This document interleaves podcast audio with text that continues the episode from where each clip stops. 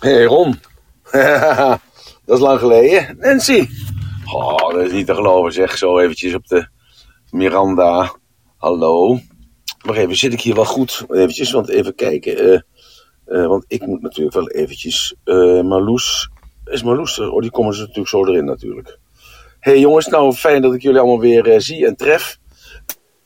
Annemiek, hallo. Hey, goedemorgen. Goedemorgen meid, wacht eventjes. Make a moderator. Zo gelijk. Ja, ik dank je. Zit, er Yes. op de- zit er op de goede. Ja, ja, je bent er helemaal bij. Hey, Marloesje. Marloes, Goedemorgen. Marloesje, make a moderator. Zo, oké, goed zo. Dan ben ik tenminste niet alleen.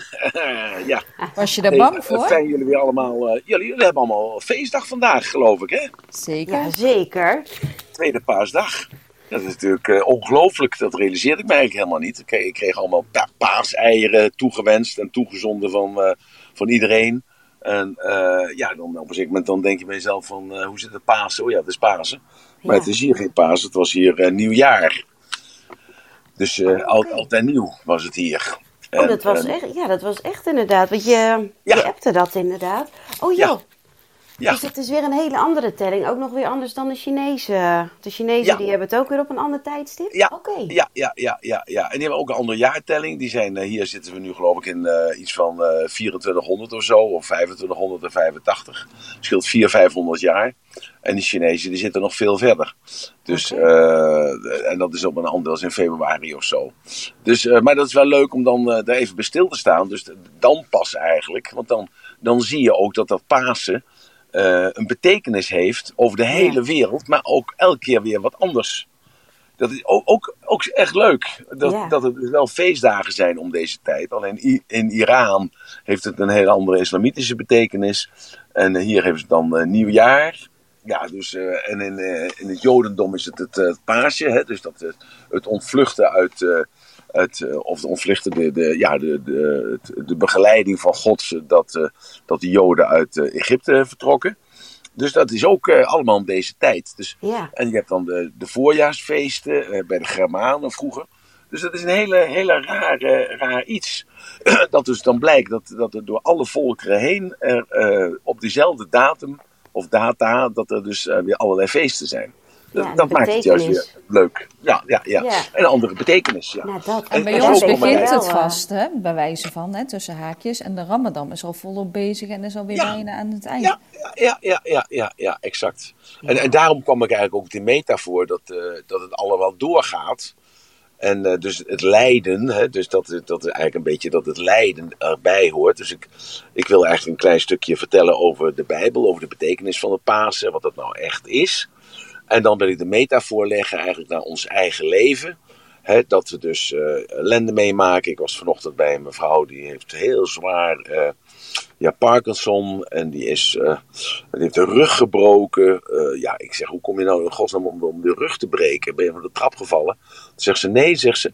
De, de wasmachine die, die stond niet helemaal juist. En toen dacht ik, ik zal die wasmachine eventjes op zijn plaats drukken. Ach, En ik zeg ja, en toen, ja, ze, dat lukte natuurlijk niet zo. Toen moest ik heel kracht zetten. Toen heb ik een beetje een hele rare kracht gezet vanuit mijn, vanuit mijn bovenrug. En toen brak mijn rug. Ik zeg, je brak je rug? Wat vertel je me nou, meid?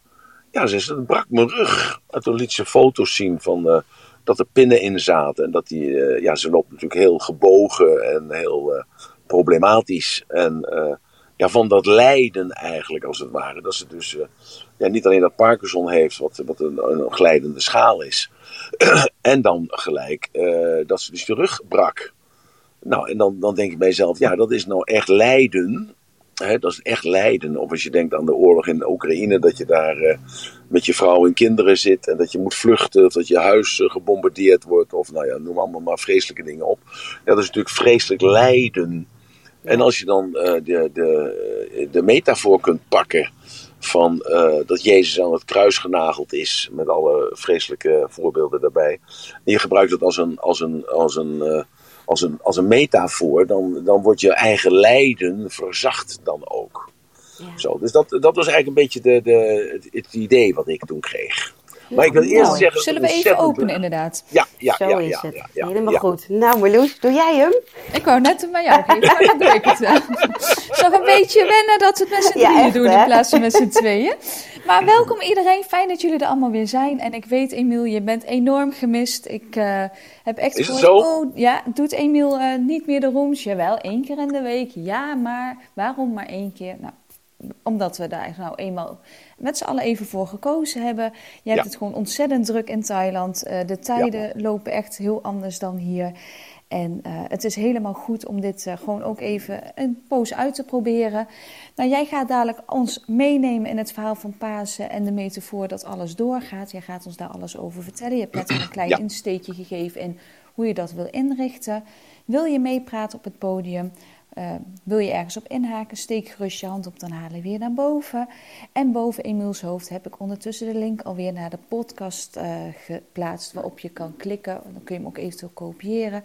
Waarop je iedere dag, als je wilt, een andere room kan terugluisteren die we de afgelopen maanden hebben opgenomen. Nou Emiel, volgens mij zijn we er zo. Deze wordt Ja. ook weer opgenomen. En Ja. steek van wel. Nou, ik moet... Ik mis ook het, gewoon het dagelijkse ritueel van elke dag gewoon mezelf dan toch eventjes eh, tot de orde roepen. En dan smiddags om drie uur, het is nu twee uur, want het is het uh, wintertijd, of jullie hebben nu de zomertijd. Het is nu smiddags om twee uur, eh, dat ik dan een uurtje met jullie kan babbelen en eh, van mening kan mag verschillen. En dat ik daar dan weer allerlei berichtjes op krijg. Hartstikke leuk. Nou, en eh, dat mis ik echt, echt, echt heel erg. Ben aan, aan, aan, deze kant dan ook heel druk bezig om dus dat toch weer te realiseren. Uh, dat gaat eigenlijk allemaal voorspoedig, moet ik zeggen. Uh, ik ben morgen en overmorgen zit ik weer in Bangkok in verband met de krekels. Het zijn de laatste eindjes die ik uh, moet plaatsen voordat ik de, die fabriek kan openen. Daar ben ik natuurlijk ook al mee bezig om dat allemaal te regelen. Uh, maar ik heb morgen laatste bespreking met, uh, met twee grote bedrijven. Eén die certificeert. Je moet je voorstellen, als je een fabriek begint en je gaat dus met voedsel aan de gang. Hè, dat zijn dus de krekels, is uiteindelijk voedsel. Dan moet je aan allerlei voorwaarden voldoen. En allerlei eisen, niet alleen hygiëne, maar ook uh, dat er geen plastic bijvoorbeeld uh, inkomt. Ja, ik noem maar even een, noem maar even een raar dingetje. Maar ook dat er geen pesticiden inkomt. Uh, bijvoorbeeld. En die pesticiden die zouden dan in kunnen komen door middel van het voer wat ze krijgen. Dus dat moet dan uh, ja, gegarandeerd en dus ook gecertificeerd zijn. uh, die beestjes die zitten dus in, in, in kasten, in kisten. ja, die, die kisten die moeten op een bepaalde manier, van een bepaalde manier moeten die gemaakt zijn. Nou, en dat, dat moet wel een beetje accaderen, een beetje gelijk lopen met mijn visie daarin dat, uh, die, uh, dat die krekels dus op een natuurlijke wijze kunnen functioneren. En dus bijvoorbeeld niet in plastic bakken, dat is een van de, van de dingen waar nu een discussie over plaatsvindt. Ik, ik hoor daar morgen uitsluitsel over. Maar je kunt je voorstellen, als je zelf ooit wel eens een keer een kunststof uh, gietertje van je kind bijvoorbeeld, of een, ja, of een, een kunststof, zo'n rubber slang, weet je wel, een tuinslang, buiten hebt hangen, dan, dan zie je dat na verloop van tijd dat die verkleurt. Nou ja, dus dat verkleuren, dat, uh, dat zijn dus een soort weekmakers, die krijgen een andere kleur, dat laat dan ook los. En uh, zo heb je natuurlijk ook dat als krekels door zo'n bak heen lopen, dat ze misschien wel eens een, dat er een stukje afschampt of dat ze dat binnenkrijgen. En uh, dat komt dan dus in dat krekelmeel. Nou, dat mag dus absoluut niet gebeuren. Ik wil dus dat het helemaal organic is. Hè. Dus dat, dat is het Engelse woord voor biologisch.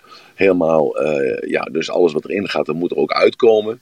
Uh, nou, dus ik, ik heb daar hele strenge ideeën over. En nu moet ik oppassen dat, dat dus de wetten die aan de loop gaan met die strenge eisen die ik mezelf heb gezet, dat die niet um, ja, door allerlei kunstingrepen gerealiseerd kunnen worden. Dus dat is, dat is momenteel mijn, mijn punt van onderhandeling met, ja, met hier met gecertificeerde instellingen die dus die certificering kunnen geven. Maar ook bijvoorbeeld, ik wil dat het gelijk kosher is en dat het halal is. Dus daar moeten ook weer bepaalde zaken voor gebeuren. Dus dat, is, dat gaat morgen en overmorgen gebeuren. Hoor ik daar dus een, krijg ik daar een klap op. Emiel, ik heb, daar nog iets over ja. vragen? Ja, natuurlijk, Um, altijd. Je wil natuurlijk ook uh, dat die eisen ook in de hele wereld, als het ware, kloppend zijn. Zodat je niet Ja. iedere keer met die uh, regels van andere landen zit, neem ik aan. Inderdaad. Ja, ja, maar je hebt de Europese regels, je hebt de Amerikaanse regels, de USA. Maar je hebt ook regels bijvoorbeeld weer van de UK en van Australië. En dat liggen dan weer anders. En, En die eh, verschillen nog ja, je moet- soms.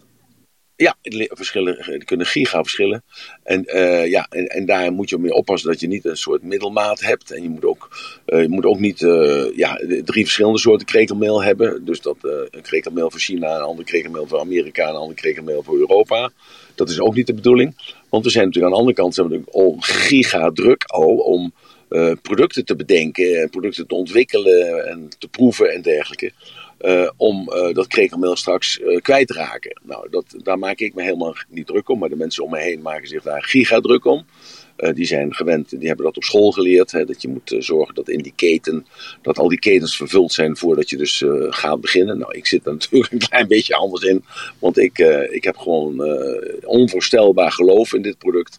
En ik geloof er gewoon in dat als ik een paar ton dus een aantal duizenden kilo's van dit spul op de plank heb liggen. Uh, wat een houdbaarheid heeft van drie jaar. dus dat moet je ook even, even bekijken. Nou, ook dat op de plank heb liggen. En ik weet zeker dat er één deze dagen een, een hamburger komt. Ehm, ja, die, waar die, die voor 20% uit krekelmeel bestaat. En dat die in één keer aanslaat. En je moet je ook voorstellen natuurlijk dat als je een onderhandelaar bent met de leverfabriek, hè, dus dat de, de, de oude Smit chipsfabriek. Uh, dat als die zeggen, die jongens die zeggen van, ja, dit lijkt me hartstikke leuk. Nou, weet je wat, we gaan krekelchips gaan we maken. Ja, dan uh, stompen die er zoveel miljoenen aan promotie en marketinggeld in. En dan moet er ook gelijk, moet die ook in elke winkel moeten dus dan honderd van die zakjes liggen. Nou, en als je honderd zakjes met, ja, met, met krekelchips hebt liggen, ja, stel maar voor alleen al Nederland. dus hoeveel supermarkten zijn er in Nederland? En uh, hoeveel benzinestations zijn er in Nederland? En hoeveel, uh, ja, uh, ja, noem het allemaal andere soorten winkels op waar ze dus die chips verkopen. Uh, cafetaria's bijvoorbeeld. Ja, dan kom je dus al aan tienduizenden winkels. En alleen in een, in een landje als Nederland. Waar dan overal honderd zakken liggen. Nou, dan heb je dus al zo'n miljoen zakken. En dan hebben we het nog niet eens over België, Frankrijk, Duitsland. Want die jongens die zetten dat gelijk groot in de markt. En dat wil zeggen dat er eh, niet duizend kilo meel nodig is per week, maar dat er ongeveer 10 of 20.000 kilo meel in de, in de week nodig is. Nou, dus dat, dat zijn dingen die ik vooruit zie. En daar ook op investeer. En daarop ook en zo, uh, dus wat ik vaker vertelde, het eh, self-fulfilling prophecy principe. je, je creëert het zelf doordat je dus daarin gelooft en, uh, en je bent er ook mee bezig. En daardoor uh, ja, gebeurt het ook. Zo, dus eigenlijk heel simpel. Dus dat is één. En de tweede kant ben ik, uh, ik heb mijn company opgericht. En dat is in Thailand is dat zo dat je, je mag als buitenlander. Ik, ik, krijg elke keer een vraag, Marloes, ontzettend, Annemieke is ontzettend. Ik krijg elke keer de vraag van, heb je een Thaise vriendin? Nou, die heb ik niet. nou, de roddel ging ook, Emiel, althans de roddel, de, de, de miscommunicatie over dat jij daar een, uh, een aantal maanden zat. Omdat, ja. uh, wat had ik jou nou geappt, Annemiek? Wat was het ja. nou? Nee, nee, er was volgens mij opgevangen dat, uh, dat we met de room, dat het niet meer dagelijks kon, omdat er iets met de zwangerschap niet goed liep. Ja. Zoiets appte jij Nee hoor. En toen zei ik, nou dat is helemaal niet zo, maar. Die, die, die, die, ruis ging eventjes kort. Nee, maar ik heb met die zwangerschap niks te maken, want ik hoef uh, niet te lopen met het kindje natuurlijk in mijn buik. Nee. Weet je wel, dus ik, uh, nee, ik ga regelmatig op visite natuurlijk. Gaat allemaal hartstikke goed. Ze is ontzettend dik, uh, moet nog drie maanden. Uh, ik heb besloten, dat heb ik besloten, dat normaal gesproken uh, als je je bevelt in, in Thailand is dat altijd een, uh, hoe noem je dat, keizersnee. Ja, uh, dus gewone bevallingen. Uh, had je dat gehoord? Wist je dat? Nee, wist ja. ik niet. Nee, dat, uh, nee. Oh, dat nee, verbaast nee, me ook wel weer enerzijds. Nee, nee dus, dus ja, maar is een ontzettend goede gezondheidszorg hier. En dus er was al gezegd op zoveelste juli die keizersnee. Ik zeg, maar, maar er wordt helemaal geen keizersnee gehouden. Er wordt gewoon een normale bevalling. Ja, nou ja, zegt, uh, uh, nou ik zal de naam niet noemen, maar de moeder van mijn, mijn zoon, die zegt van, uh, ja dat is hier normaal. Ik zeg, ja, maar het kan wel normaal zijn. Ik zeg, maar ik wil gewoon dat het kindje volgroeit en dat je op een normale manier het kind ter wereld brengt. Omdat ja. ik daarin geloof dat dat ook nog, uh, ja, gewoon voor de uh, microbioom en uh, voor de gezondheid en, nou ja, noem allemaal, allemaal allerlei dingen op, dat vele malen beter is. Dus daar heb ik een hele grote discussie over gehad met de doktoren. En die zeiden van nee, wij, wij prikken nu de datum. Ik zeg maar, hoe weet je nou dat die datum, prik, dat die datum juist is? Nou, we hebben dat berekend met de laatste tijd, de laatste keer een menstruatie. En dan zoveel dagen eraf en zoveel dagen erbij. En dan komen we daarop. Ik zeg, ja, ik zeg maar, stel voor dat uh, ze zich nu een maand vergist heeft of zo. Ja, dan is het kindje nog niet helemaal klaar. Ik zeg, ja, ik zeg, maar dan haal je dat eruit. Ja, nee, maar dat kan gebeuren. Nou jongens, uh, jullie willen het niet geloven. Ja, ik ben, je wilt het niet geloven. Uh, dus ik heb hier natuurlijk al een aantal vriendjes en vriendinnetjes. afgelopen zaterdag mijn verjaardag hier nog eens een keer dunnetjes over gevierd. En met een stuk of uh, tussen de ja, 50, 70 man zijn er geweest. En wat gebeurt er, zegt, er was er iemand anders was hoogzwanger. Dus die wordt uh, met de keizersnede, wordt het kindje gehaald. Blijkt er dus een, een maand te vroeg te zijn, zeg. Oh. Blijkt een maand te vroeg te zijn ja, dus ze hadden zich vergist in verband met de laatste menstruatie enzovoort, enzovoort. Nou ja, dus ik was al gemotiveerd en al niet te overtuigen dat het uh, op die manier moest. Maar je begrijpt wel natuurlijk wel dat ik toen. Uh, nou, ik sla hier niet met de tafel. Ja, ik was er klaar ja. mee. Je slaat hier niet met de vuist op tafel. Dat doe je gewoon niet hier. Dat, dat, past, dat is niet passend in deze cultuur. Maar ik heb wel eventjes fijntjes gezegd dat het dus anders gaat gebeuren. Het gaat dus gebeuren zoals ik gezegd heb. En dat is dus op een natuurlijke wijze dat mijn zoon, uh, of onze zoon, laat ik dan zo zeggen, ter wereld komt. Uh, dus, uh, dus wat dat betreft gaat het allemaal goed. Ik, ik ben bezig om, dat is allemaal al geregeld. Er moest een company opgericht worden. Je mag hier in Thailand niets op je naam hebben. Officieel. alleen als je een Thaise vrouw hebt. Nou, ik was natuurlijk gelijk aan mijn exen denken. Nou, natuurlijk, die allemaal uh, ja, dat gedacht hadden van, oh, dat zou fantastisch geweest en als het in Nederland was geweest. Maar, um, dus daarom krijg ik elke keer de vraag, heb je een Thaise vriendin? Want dan kan het op haar naam. Ja, en, en dat was ook de vraag ja. van Stanley, die vroeg in de chat, uh, je was toch in onderhandeling met bedrijven die al gecertificeerd waren, om die ze dan ja. over te nemen? Ja, ja. Uh, nou die, die lopen vast. Uh, waarom lopen die vast? Hele goede tussenvraag even. die lopen vast, want er zijn bedragen die daarvoor gevraagd worden. Uh, die elke realiteit um, ja, tarten. Dat is één. twee, ja, datgene wat je er moet kopen is dus dan zogenaamd hun, hun techniek of hun, uh, hun kennis, hun kennis eigenlijk als het ware. ja, en dat blijkt dus toch uh, bij nader inzien, uh, nadat ik alles bestudeerd heb en daar serieus mee bezig ben geweest, blijkt dat geen verhouding te zijn tot de prijs die ze vragen. En ja, kijk, je moet je voorstellen, ik kan 10% van de aandelen kopen voor, van een bedrijf voor 2 miljoen. Dat wil dus zeggen dat het bedrijf 20 miljoen waard is. Hè? Want 10 keer 10 is 100 en 10 keer 2 miljoen is 20 miljoen.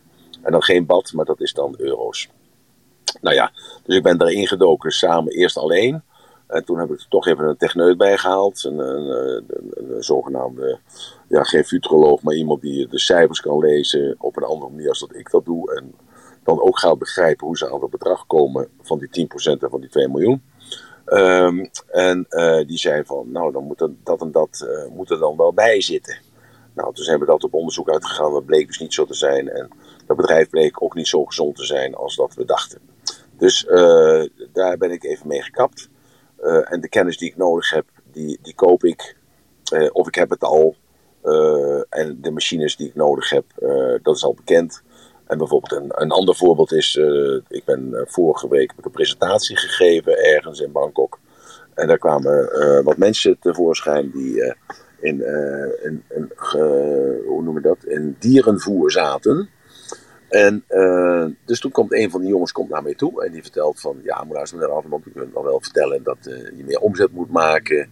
En uh, dat is helemaal niet zo, want we hebben, we hebben kippenvoer en we hebben koeienvoer en we hebben hier ossenvoer. En ja, we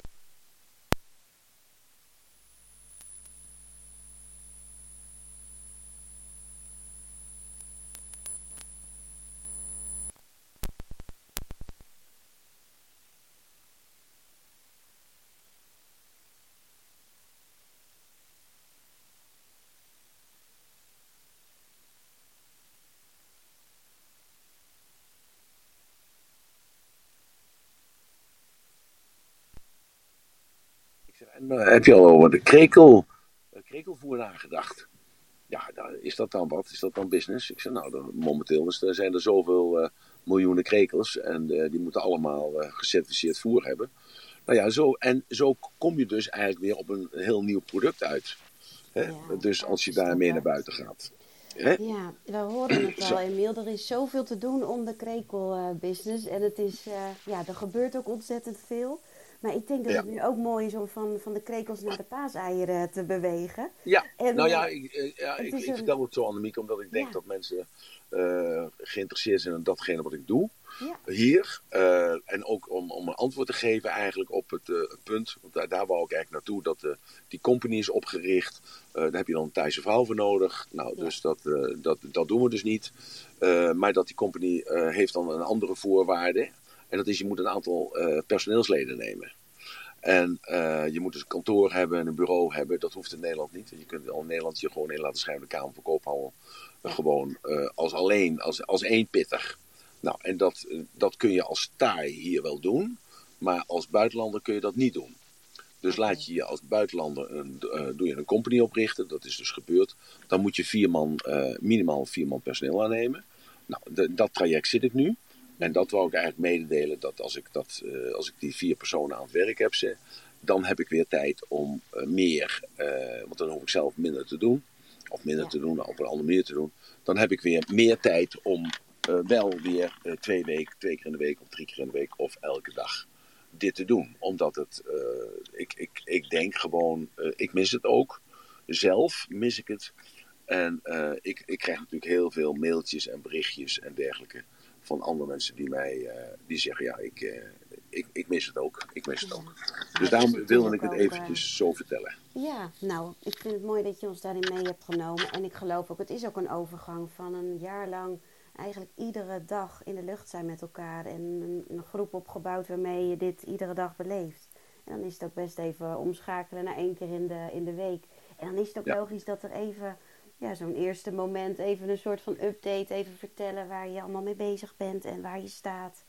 Dus dat, uh, dat is ook gewoon hartstikke, hartstikke logisch.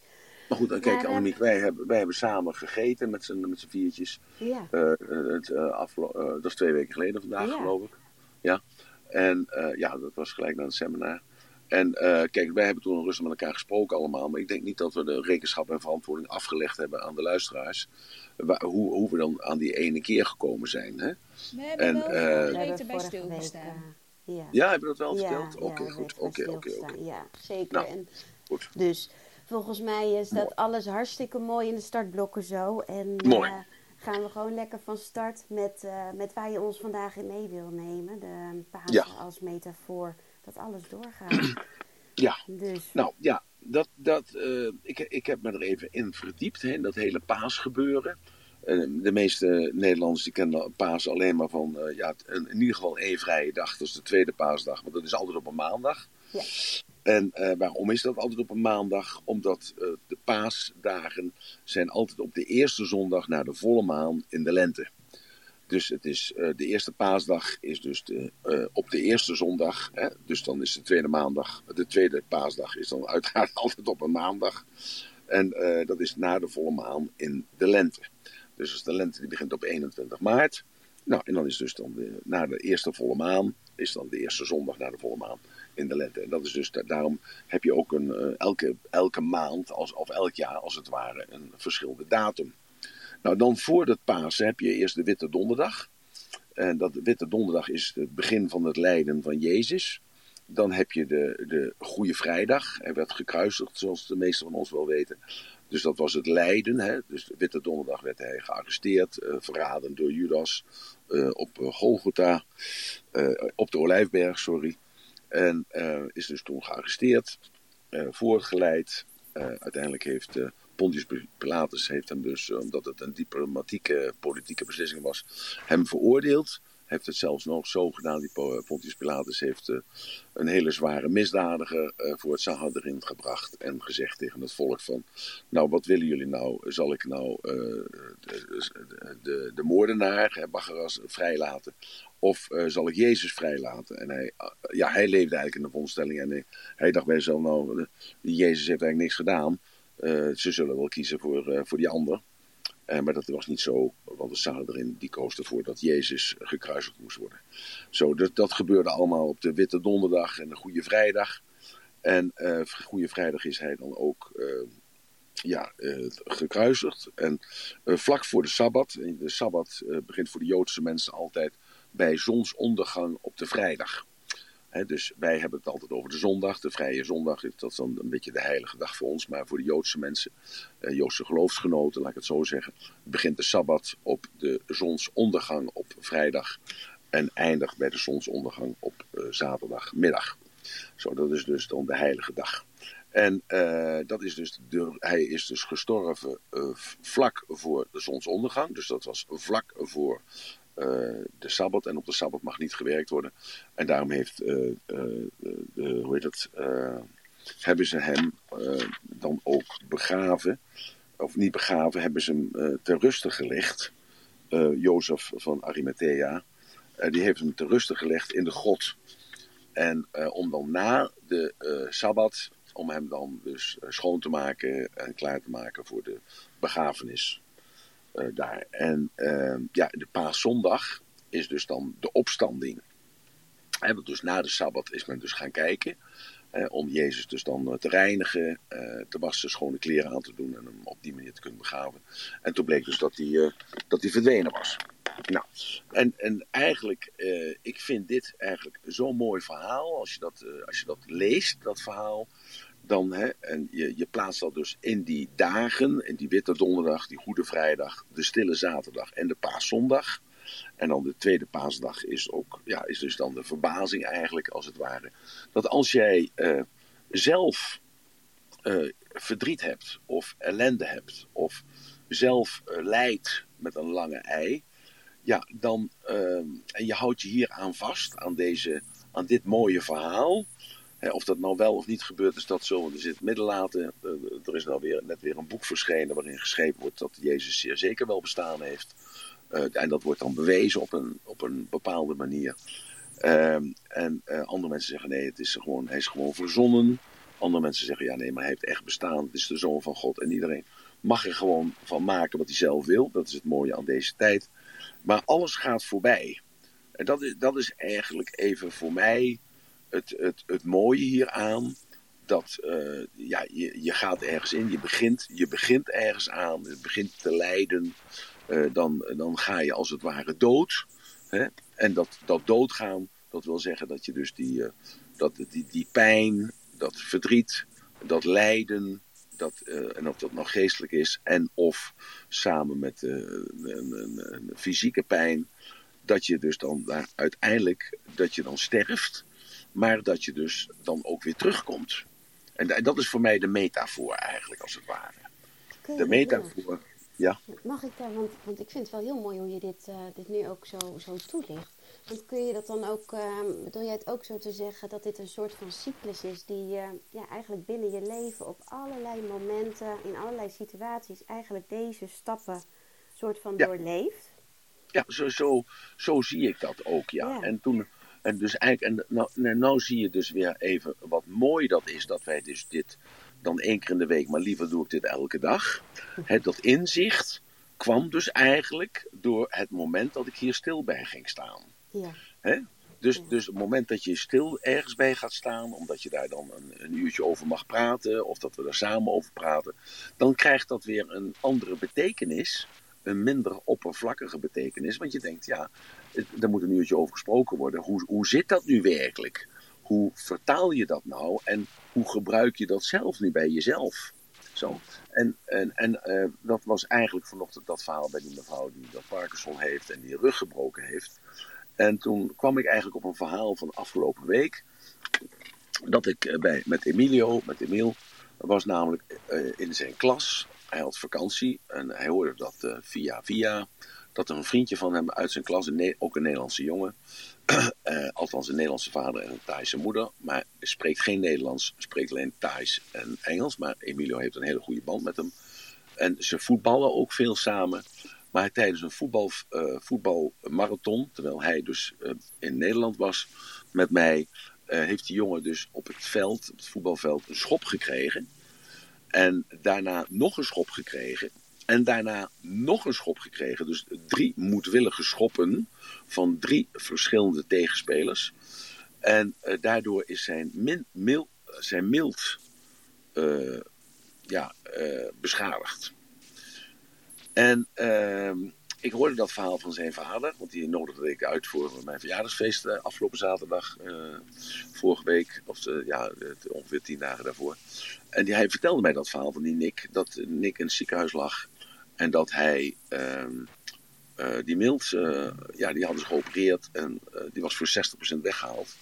En misschien dat die aangroeit, misschien niet, maar hij moest nu in ieder geval de komende 12 maanden, ja, dus een jaar, moest hij rusten opdat die mild weer aan kon groeien. Toen zei ik tegen mijn zoon, dus Mil, tijdens het ontbijt zei ik... Ik zeg, Godsmil, ik zeg, wat je nou even moet doen is even een, uh, een, tekening maken. Want we mogen niet op bezoek bij hem in het ziekenhuis. Maar maak even een tekening voor, uh, voor Nick. Ja, hij moet dat nou en zo. Ik zeg, ik zeg maar stel je nou eens voor dat jij in het ziekenhuis ligt, kerel. Ik zeg, en je mag niemand komen. En de ramen en gordijnen zijn dicht. En je mag geen televisie kijken. Je mag zelfs niet luisteren naar de iPad, want de iPod, want dat is te onrustig. Ja, ja, ja, zit, ja, ja zit, pa, ik, uh, is goed, ik maak er wel één deze dagen. Nou, er gingen een paar dagen overheen. En na een paar dagen zei ik tegen hem, ik zeg, ik heb die, die tekeningen van jou nog niet gezien, uh, vriend, hoe zit het daarmee? En toen zegt hij, uh, ja, die moet ik nog maken. En ja, ik ga vanmiddag naar andere vrienden toe en dat is veel gezelliger. En waarom moet ik me daarmee bemoeien? Ik zeg, moet luisteren, ik zeg, je moet het gewoon doen. Ik zeg, dus jij maakt gewoon die tekening. Ik zeg, en jij zet je naam erop. En al de vriendjes waar je nou vanmiddag gezellig mee gaat feestvieren, die zet je er ook op. Nou ja, hij kwam s'avonds thuis en ik vroeg aan hem of hij het leuk had gehad. Dat had hij, ik zeg, heb je eraan gedacht? Nee, hij had niet gedacht. Toen ben, ik kwaad geworden op hem. En toen heb ik tegen hem gezegd, en dat schoot me zo te binnen. En dat is eigenlijk het antwoord op jouw vraag, Annemiek. toen zei ik tegen hem, ik zeg, moest luisteren kerel. Ik was uh, 18 jaar, toen zat ik in militaire dienst. en toen heb ik een verwaarloosde bronchitis gehad. En toen heb ik zes weken in het ziekenhuis gelegen. Dat zijn 42 dagen.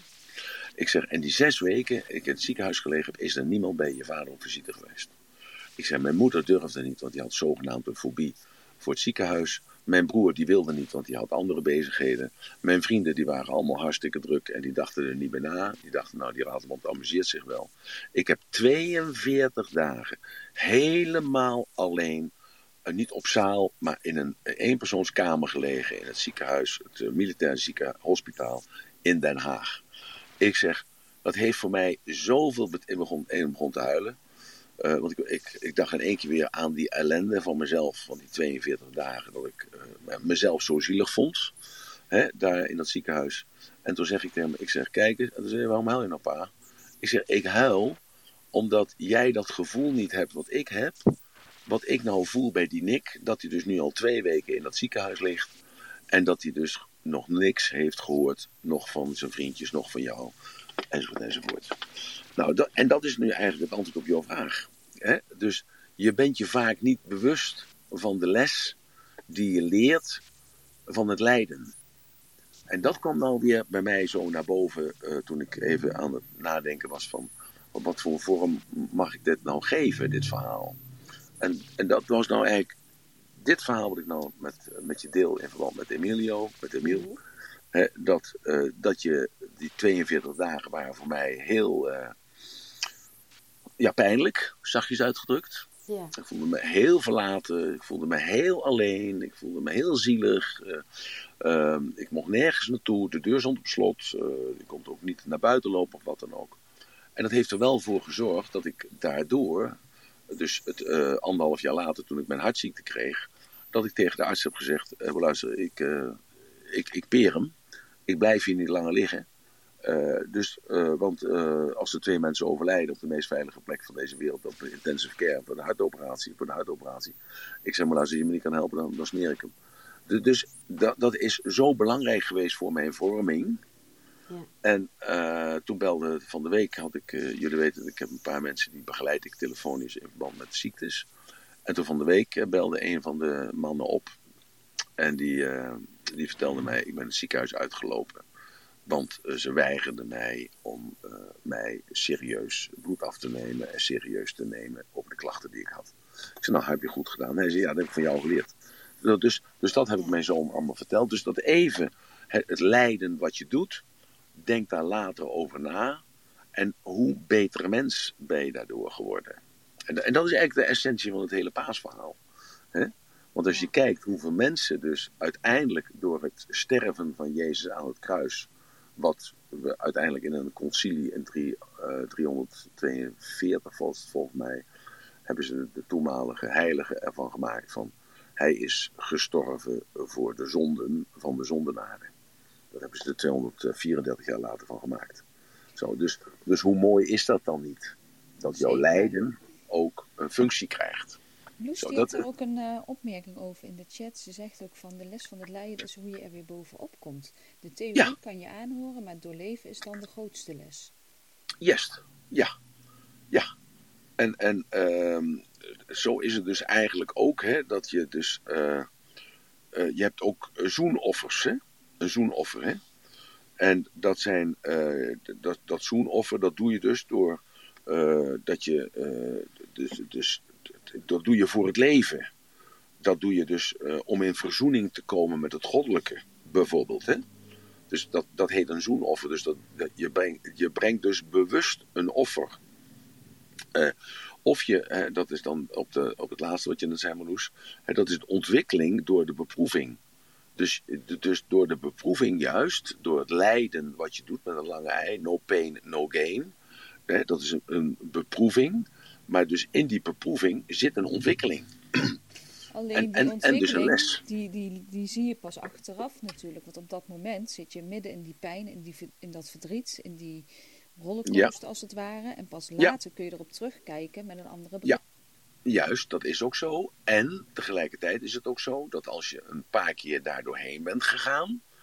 En uh, ook uh, evenredig dan, uh, evenwijdig daaraan een paar keer ook later je bewust wordt van hoe fijn, ja hoe fijn is het foute woord dan eigenlijk, maar wat je ervan geleerd hebt, hè, hoe je ermee opgeschoten bent, dat je meer inzicht hebt gekregen in de problematieken waar je tegenaan zat teken, dan, en dat lijden komt weer, hè, maar dan in een andere vorm, dus ik noem dat altijd de crisis in je leven, hè, die komt dan weer, maar als je weet van tevoren van, ja, ook dit zal wel een functie hebben. Ook dit zal wel een positieve draai krijgen. Ook dit zal mij weer een beter mens maken. Ook dit, hier ga ik weer door een leerproces heen. Dan krijgt de beleving een minder. Uh, minder, uh, minder zware minder, lading. Ja, ja, precies, dat is het woord. Dat is maar het wat je zegt, dat klopt ook wel. En ik denk dat hoe bewuster je bezig bent met dit soort uh, uh, vraagstukken, als het ware, dat je ook, er ook makkelijker mee om kan gaan. En dan is het nog steeds niet makkelijk, maar je maakt het wel voor jezelf gemakkelijker door met die bril inderdaad te kijken. En, ja, ja, uh, uh, ik vind dat ook weer leuk om dat dan weer te kunnen benoemen met Miel. Miel had verkering, was helemaal holder de bol. Dat was de eerste meisje waar die verliefd op was, 13 jaar. Nou, als ouder zijnde weet je dan van, nou, dat zal niet de laatste zijn. Maar dat neemt niet weg dat natuurlijk toen zij het uitmaakte, dat dat natuurlijk een drama was. En uh, ja, dus hij kwam huilend thuis. De rat was overleden van, haar, van zijn vriendin. En hij had daar schamper om gelachen. Want die die had ze pas drie uur. En dat ze daar zo'n drama over maakte. Nou, dan, zie je duidelijk weer het verschil tussen man en vrouw. Hè? Maar ja, dat kun je natuurlijk niet vertellen. Uh, tenminste, in mijn denkbeeld, daar zit hij natuurlijk niet op te wachten. Want hij zit alleen maar te wachten op een, uh, een troostend gebaar. Of een begrijpend woord. Of een, ja, in ieder geval een moment van dat, je, dat, dat zijn vader in ieder geval uh, hem in die uh, sfeer laat. maar je weet natuurlijk als ouder zijn, dan weet je van, ja, dit is niet de eerste keer, maar ook niet de laatste keer geweest. Hè, dat zal nog wel een paar keer voorkomen. Nou, en, ehm, ja, maar, maar daardoor werd zijn ehm, verdriet niet minder. Alleen drie dagen later was hij weer verliefd. En op een ander meisje. En uh, toen zegt hij, hij zegt, ik heb nooit geweten, papa, dat dat zo snel over kon gaan. Nu begrijp ik jou pas. Ja. ik zei, ja, maar jij vraagt elke keer aan papa, hoe ga jij daar nou mee om? Want dat doet hij namelijk elke keer. Hij zegt, ja, maar papa, hoe, hoe? Hij zegt, ik moet er niet aan denken dat je doodgaat. Hij zegt, en jij praat heel makkelijk over jouw vader. En ehm, ja, ik, eh, hoe doe jij dat dan? Nou, dan leg ik hem dat uit hoe ik dat doe. Of hoe ik dat gedaan heb en hoe ik dat nog altijd doe. En dan, uh, dat vindt hij zo interessant. En dat heeft hij dus eh, zonder dus dat ik dat, daar bewust mee bezig ben geweest, heeft hij dat dus gedaan met het verwerken van zijn eerste liefde. Dus want, ja, al snel het een en ander. Dus, dus ik zeg nou, het lijkt nergens op Ratelband. ja, is het maar gelijk op jouw pa. Ik je nou, krijgt wat je voorleest, hè? Dat, uh, dat zie je wel weer. Ja. We krijgen in de, in de chat ook nog een mooie reactie van Ivana. En die schrijft: uh, De les van het lijden is ook de bewustwording van het gegeven dat je daar nooit weer doorheen wil gaan, waardoor je op een positieve wijze transformeert naar wie je bent. Je komt dichter bij jezelf, puurheid. Ja. Mooi, heel mooi. Ja, dus, dus eigenlijk zegt, uh, zegt ze dat je maakt het wel mee, het is louterend, maar eigenlijk wil je het niet een tweede keer meemaken. Ja. Toch? De, dus daar zit iets, uh, daar zit iets duaal in, hè?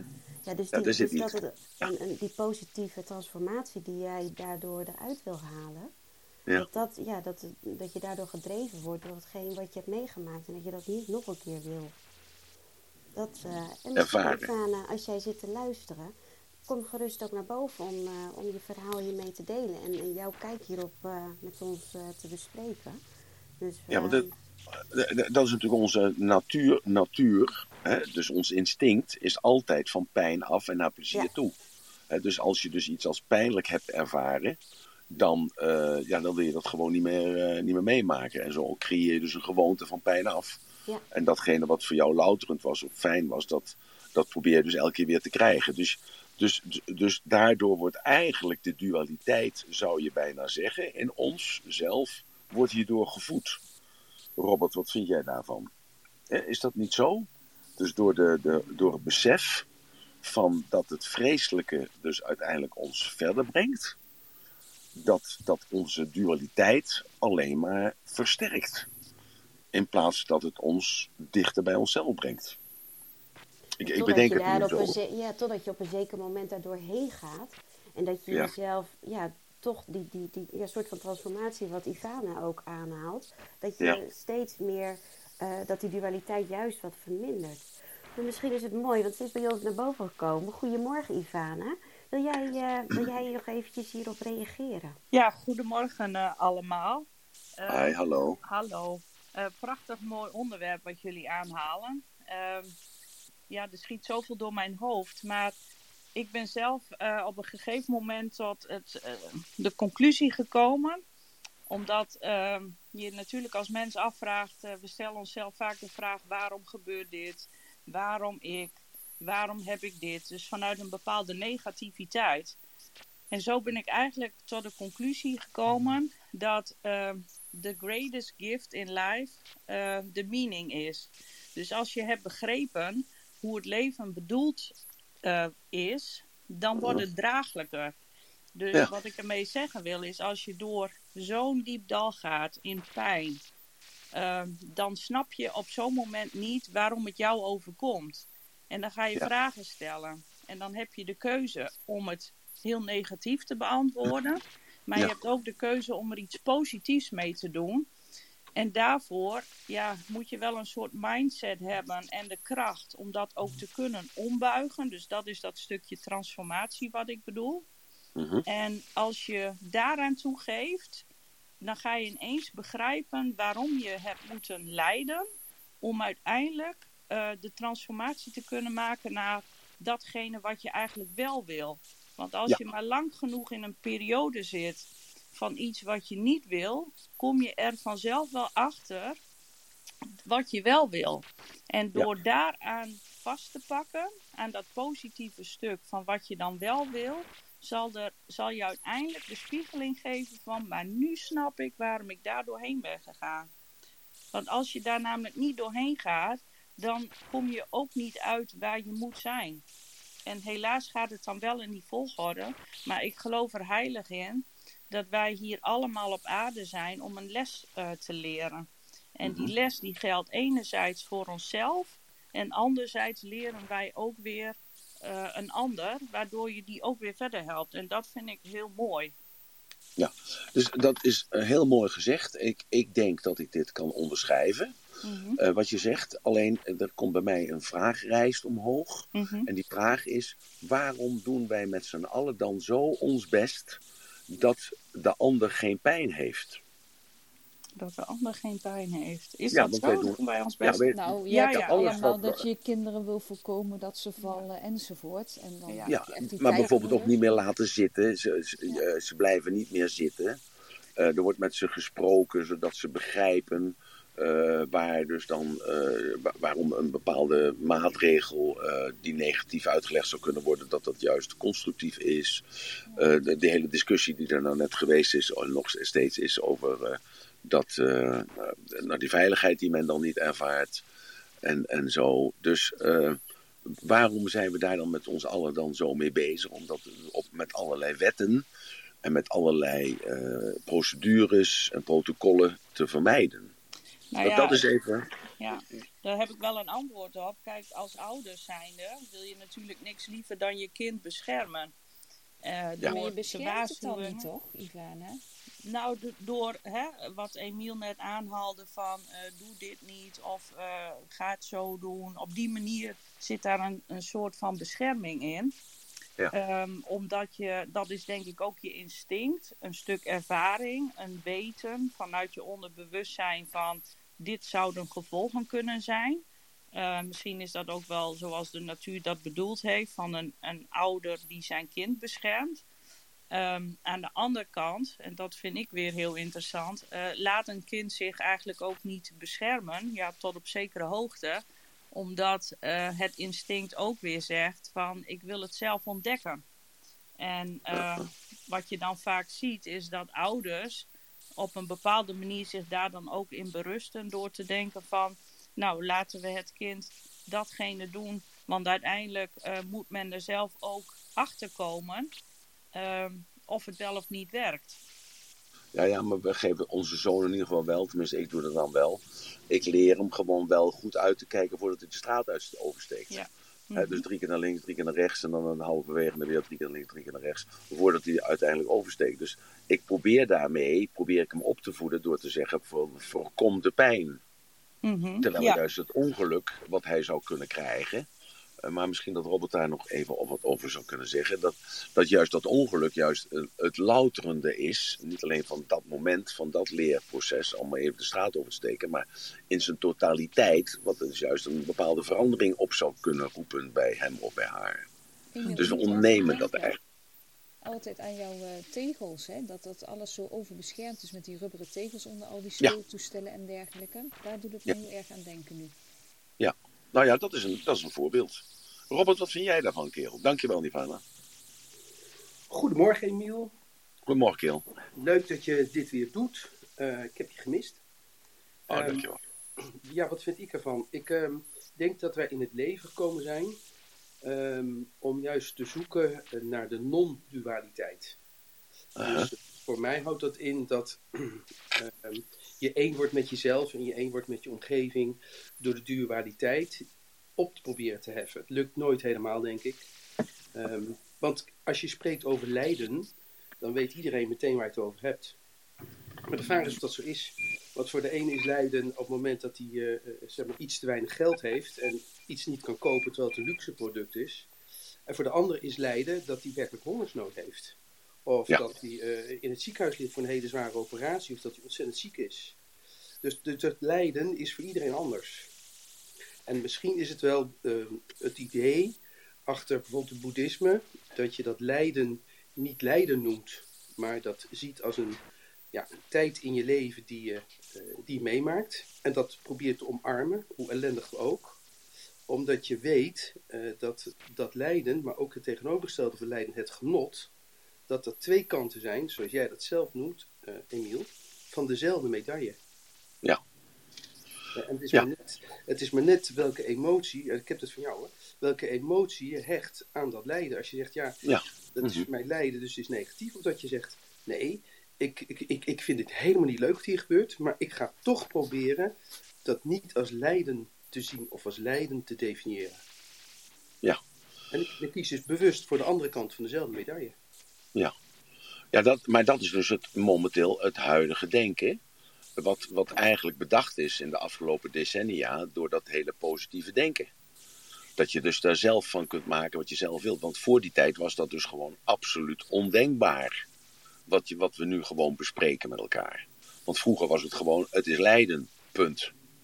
En Ja. terwijl we dus toch, als we kijken naar het paasverhaal, dan eh, wordt dat ons 2000 jaar geleden, wordt ons dat al verteld.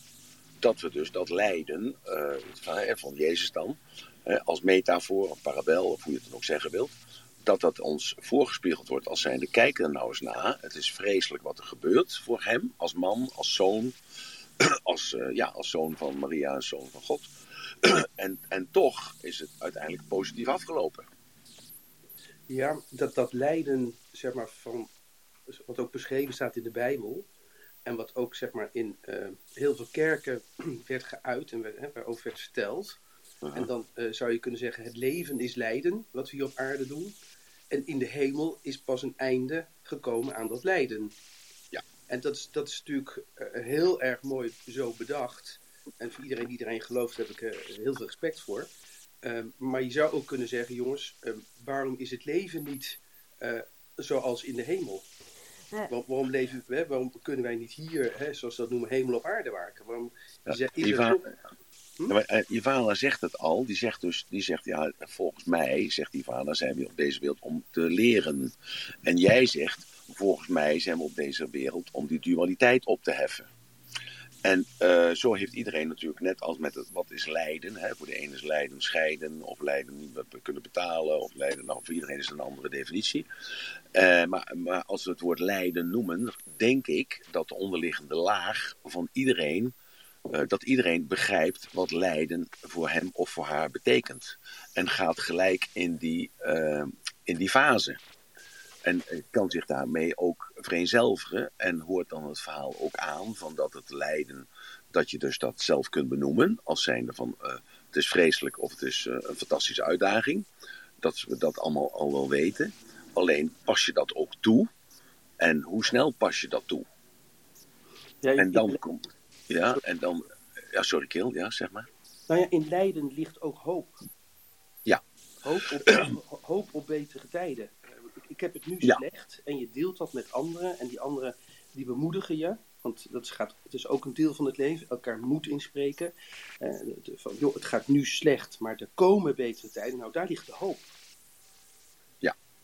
Ja, maar i- ik denk dan weer eh, dat als je een paar keer geleden hebt en het is goed gekomen met je, dus dat kun je dan bedenken dat het goed gekomen is, en je kunt de link leggen, hey, dankzij dat lijden eh, is het niet alleen goed gekomen, maar ik ben er eigenlijk mee opgeschoten.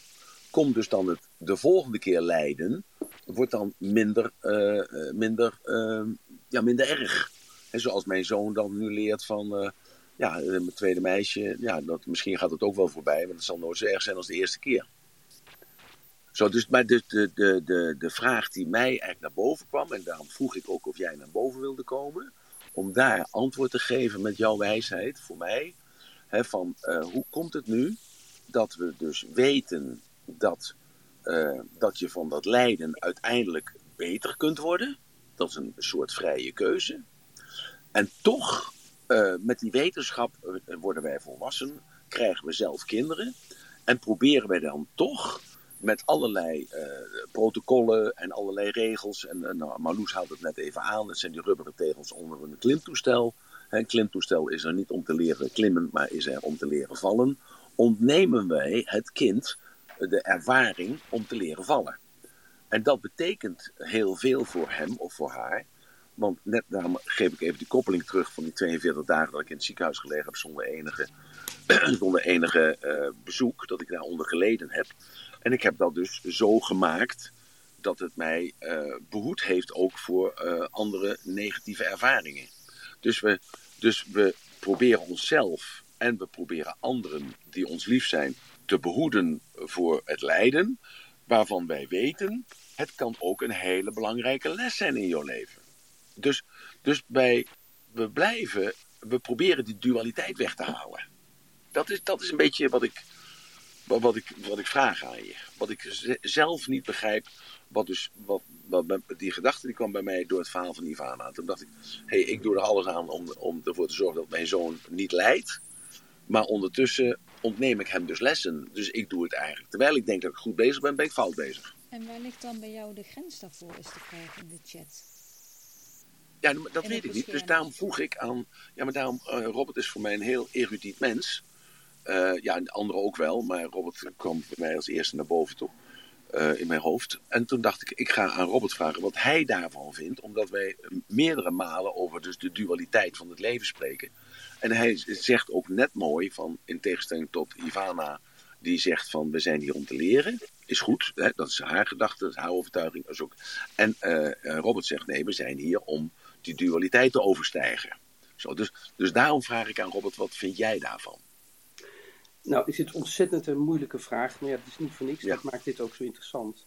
De vraag is of je als je je zoon iets ziet doen, ehm, welk voorbeeld je dan ook maar neemt, Uh-huh. wat zou kunnen leiden tot een lijden voor hem, Ja, waardoor je besluit in te grijpen, of je ingrijpt voor hem, of dat je ingrijpt voor jezelf. Want het lijden van die ander, en zeker het lijden van een familielid, en zeker het lijden van een kind, is voor de ouder verschrikkelijk. Dus de vraag is, leg je rubberen tegels neer voor het kind? Of leg je eigenlijk die rubberen tegels neer voor jezelf, zodat je het kindje, wat anders zou vallen op een stenen tegel, thuis zonder tandje, een gebroken tandje op moet vangen? Ja.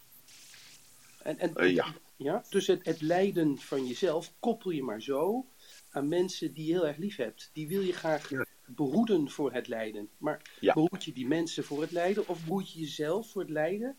Wat voortvloeit uit het feit dat die mensen die je zo lief hebt lijden. juist. Nou, dat is een heel goed antwoord. Want namelijk, daar, dat houdt in wat jij zegt, dat je als ouder, ondanks alle opvoedkundige adviezen die wij krijgen, hè, dat je niet superieur aan je kind mag zijn, maar je moet gelijk zijn aan je kind en je moet als het ware een vriend of vriendin zijn, dat je toch pretendeert het beter te weten. Want dat is de, de onderliggende laag wat je vertelt en waar ik het mee eens ben. Ik Nou ja, zie hem wel anders, als ik eerlijk ben, Emiel. Dat Precies wat mag. Robert, ja, want precies wat Robert zegt. Ja, er gaat het om, om het lijden van onszelf. Als we anderen zien lijden, hoe we daarmee omgaan. En dat we heel graag dat gevoel, dat goede gevoel waar wij eigenlijk ons leven lang voor gaan. Dat we liever dat gevoel hebben dan het lijden van anderen toezien. En voor mijn gevoel is dit de essentie ook van het, het paasverhaal. En dat stukje, ja, volgens mij zit dat bij de kruisiging. Dat is eigenlijk het moment van ehm, dat er een soort omslag moet komen. ehm, dat je loskomt van, ehm, van het lijden. Dat dat inzicht er gaat komen. Van waar dat lijden, wat voor functie het heeft, wat voor betekenis. En zodat je een soort van eh, acceptatie, berusting gaat krijgen. Dat sommige dingen erbij horen. Waardoor er ehm, volgens mij ja, ook het stukje ego waar je van los kunt komen. Dat ja, het is zoals het is. En dat je ja, vanuit daar dichter bij dat ware zelf komt. En voor mij ja, betekent Pasen, het hele verhaal, dat, dat je steeds een stapje dichter bij jouw ware zelf komt. Waardoor het leven minder lijden is.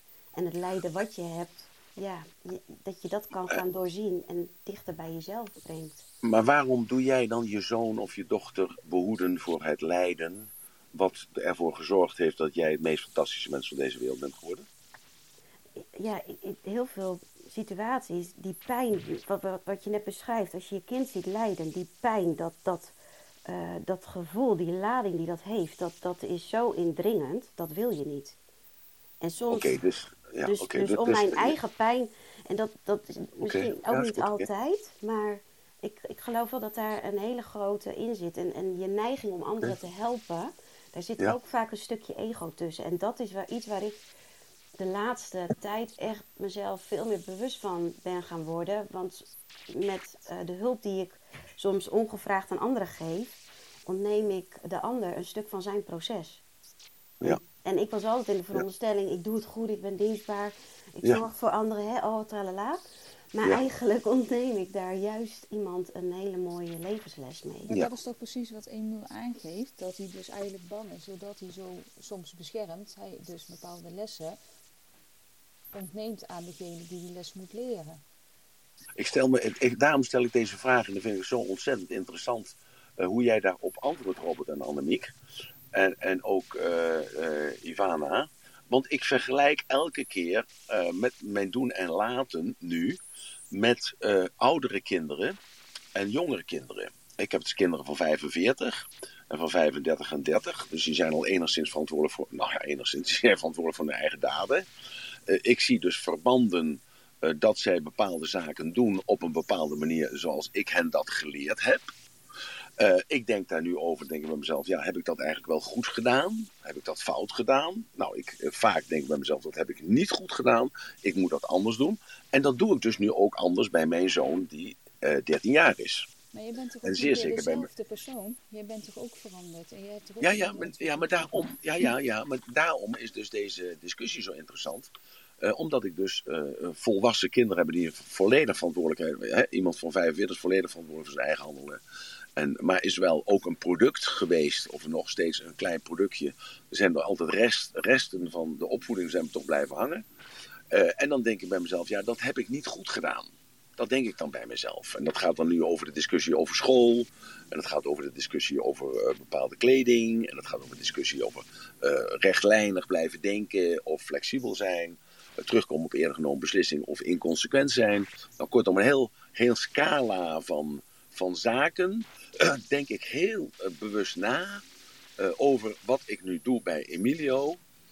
Of ik dat goed of niet goed doe. Want ik heb de gevolgen gezien van mijn, van mijn opvoeding bij mijn vier oudste kinderen. Dus daarom is deze, de- ik trek deze discussie vele malen naar, sterker naar mijzelf toe. Omdat ik dus dat, dat zo zie. dat verschil tussen wie ik nu ben en wie ik toen was. En waarom ik toen bepaalde dingen deed. En waarom ik die bepaalde dingen nog steeds doe. Of dat ik eigenlijk denk van nee, Ratelband, je moet het niet doen. Want je hebt gezien eh, wat het heeft teweeggebracht. Dat wil je, dat wil je toch ook je, je kleine kind, of je nieuwste kind, dat wil je toch niet dat gunnen.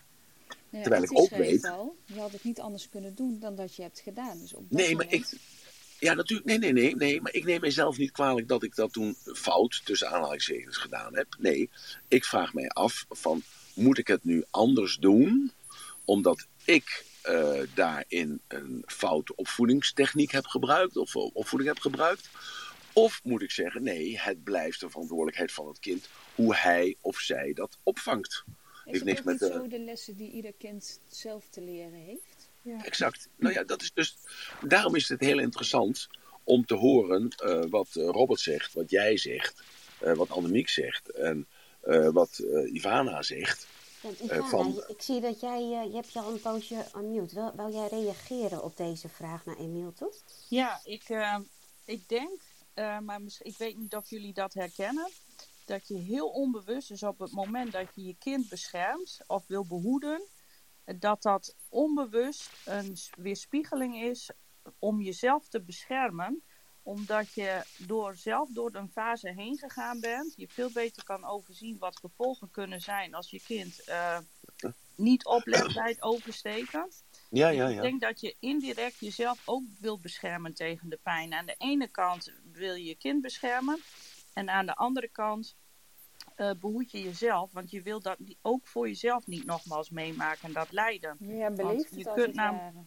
Ja, want je kunt je natuurlijk voorstellen dat als je kind verongelukt door het oversteken, dat dat Ja. natuurlijk direct een eh, weerslag zal hebben op jezelf. En Ja, wat mij dat- verder ja. nog te binnen schiet, en ik weet niet of ik dat mag aanvullen, op het moment dat eh, Jezus stierf aan het kruis, eh, want ik denk dat daar, eh, dat heeft het meeste indruk op mij gemaakt in dat verhaal. Want dit heeft namelijk ook te maken met strijd, oneerlijkheid, want hij is eigenlijk ten onrechte veroordeeld en moest op deze manier lijden om dood te gaan. Waarop hij zei, eh, Heer, vergeef hen, En zij weten niet beter. we weten en- niet wat ze doen. Ja. Precies. Mhm. En daar zit heel veel power in dat je als mens in staat bent om te vergeven. En op het moment dat je kunt vergeven, dat doe je eigenlijk voor jezelf. Eh, Ja. ja. transformeer je ook. Klopt. En, dat Transformeer vind ik- ook, ja. en, en daarmee eh, zit je dus ook niet vast in het ego. Ja, Want. Robert eh, stelde de vraag van waarom is het op aarde niet eh, zoals in de hemel? Nou, ik denk dat dat met dat stukje te maken heeft, omdat wij mensen op aarde altijd in de mode, of vaak moet ik zeggen, in de modus van strijd hangen. Terwijl als je als een van de partijen zou kunnen vergeven, je eigenlijk ook ja, in het hemelrijk terechtkomt. Dat wou ik nog Ja. even aanvullen. Nou, heel mooi gezegd. Ja, dat, eh, ik onderschrijf dat wel. Ik heb er zelf wel problemen mee vaak. Mhm. Eh, ik zit nu weer in een affaire, misschien heb je dat gelezen eh, eh, op social media en zo. En dan denk ik bij mezelf, ja, doe ik dat nou wel goed? Blijf erin hangen, vergeef hen. Maar ja, goed, ik vind dat mijn dochter nog tekort gedaan is, dus ik, ik ga de strijd dan aan. En tegelijkertijd ja, ben ik daar ook weer duaal in. Ja, Ja. ja, ja, ja heel, heel, heel leerzaam, heel leerzaam. Mooi, mooi. Dankjewel meid, dankjewel. Ja, Hele mooie woorden, heel goed. Annemarie, goedemorgen. Jij bent ook bij ons op het podium gekomen. Waar wilde jij op reageren? Ja, goedemorgen. Ja, ik, eh, ik vind overgave, hè, dus het overgeven, dus dat heeft ook met het leerproces te maken, het overgeven aan het kind. Zeg maar dat je het bij, bij, bij het kind zelf laat, maar wel ernaast staat. Hè, want eh, dat is eigenlijk belangrijk dat je naast het kind staat om hem te beschermen, maar wel zijn eigen weg laat gaan. En ook de overgave. Nou, kijk maar naar eh, eh, Jezus aan het, eh, aan het kruis, zeg maar. Dat is pure overgave. Dus ik vind het wel heel mooi om dat nog een keer te benoemen. Dat heel veel mensen toch in die dualiteit blijven hangen. Terwijl eh, overgave, je ergens aan overgeven, dat is heel mooi. Ik heb het bij mijn moeder gezien. Die, hij heeft een auto-ongeluk gehad. En ik, ik ben dus naast haar gaan staan. En eh, ja, dat, eh, ik zag eh, hoeveel pijn ze, ze leed en hoeveel artsen ze heeft moeten bezoeken om maar geopereerd te kunnen worden. En toch maar omdat we als kinderen naast haar bleven staan en haar toch bleven steunen met liefde en aandacht, is het, is het goed gekomen. Want ze wordt nu wel geopereerd. En, en dat Ja. wil ik even meegeven in het dagelijkse leven. Zoek het niet zo ver. Zoek, kijk gewoon naar je naaste. Hoe kan je naaste staan? Dus eigenlijk naaste liefde, hè? Dat, dat vind ik eigenlijk heel mooi, naaste liefde. Daardoor kan je ook meer in overgave komen. Dus het overgeven ook van hun pijn, hun verdriet. En ja, dat, dat is gewoon heel mooi om, om, dat, eh, om, dat, eh, ja, om dat te benoemen. Mooi. Annemarie, dankjewel meid.